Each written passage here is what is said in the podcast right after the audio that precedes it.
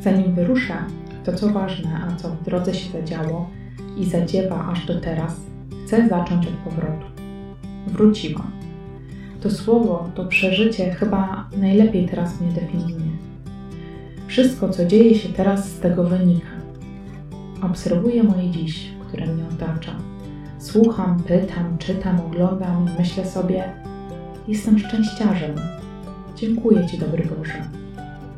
Nie będę zmyślać i snuć górnolotnych wywodów, jak to dobrze odciąć się od internetu i w ogóle od wszystkiego, zresetować się, wyciszyć i wrócić takim mega wolnym żołałem. Chociaż gdyby ktoś potrzebował, to na pewno ważne przeżycie. Nie miałam też takich założeń, a czasem potrzebowałam kontaktu ze światem, również tym internetowym. Byłam kompletnie sama. Tak, na kamino można być samemu. I czasem w tym zmęczeniu mózg mi się lasował i wtedy fajnie było poklikać z kimś niezobowiązująco albo posłuchać o zmaganiach bardzo przyziemnych, żeby całkiem się nie odlecieć. Używałam więc świata. Używałam internetu i telefonu, a raz nawet o zgrozo oglądałam telewizję.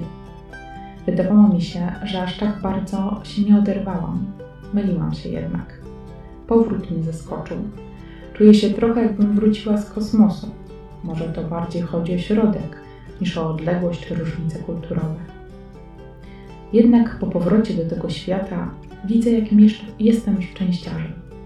Nie dlatego, że odeszłam i wróciłam. Nie dlatego, że czuję się lepsza od kogoś. Absolutnie nie.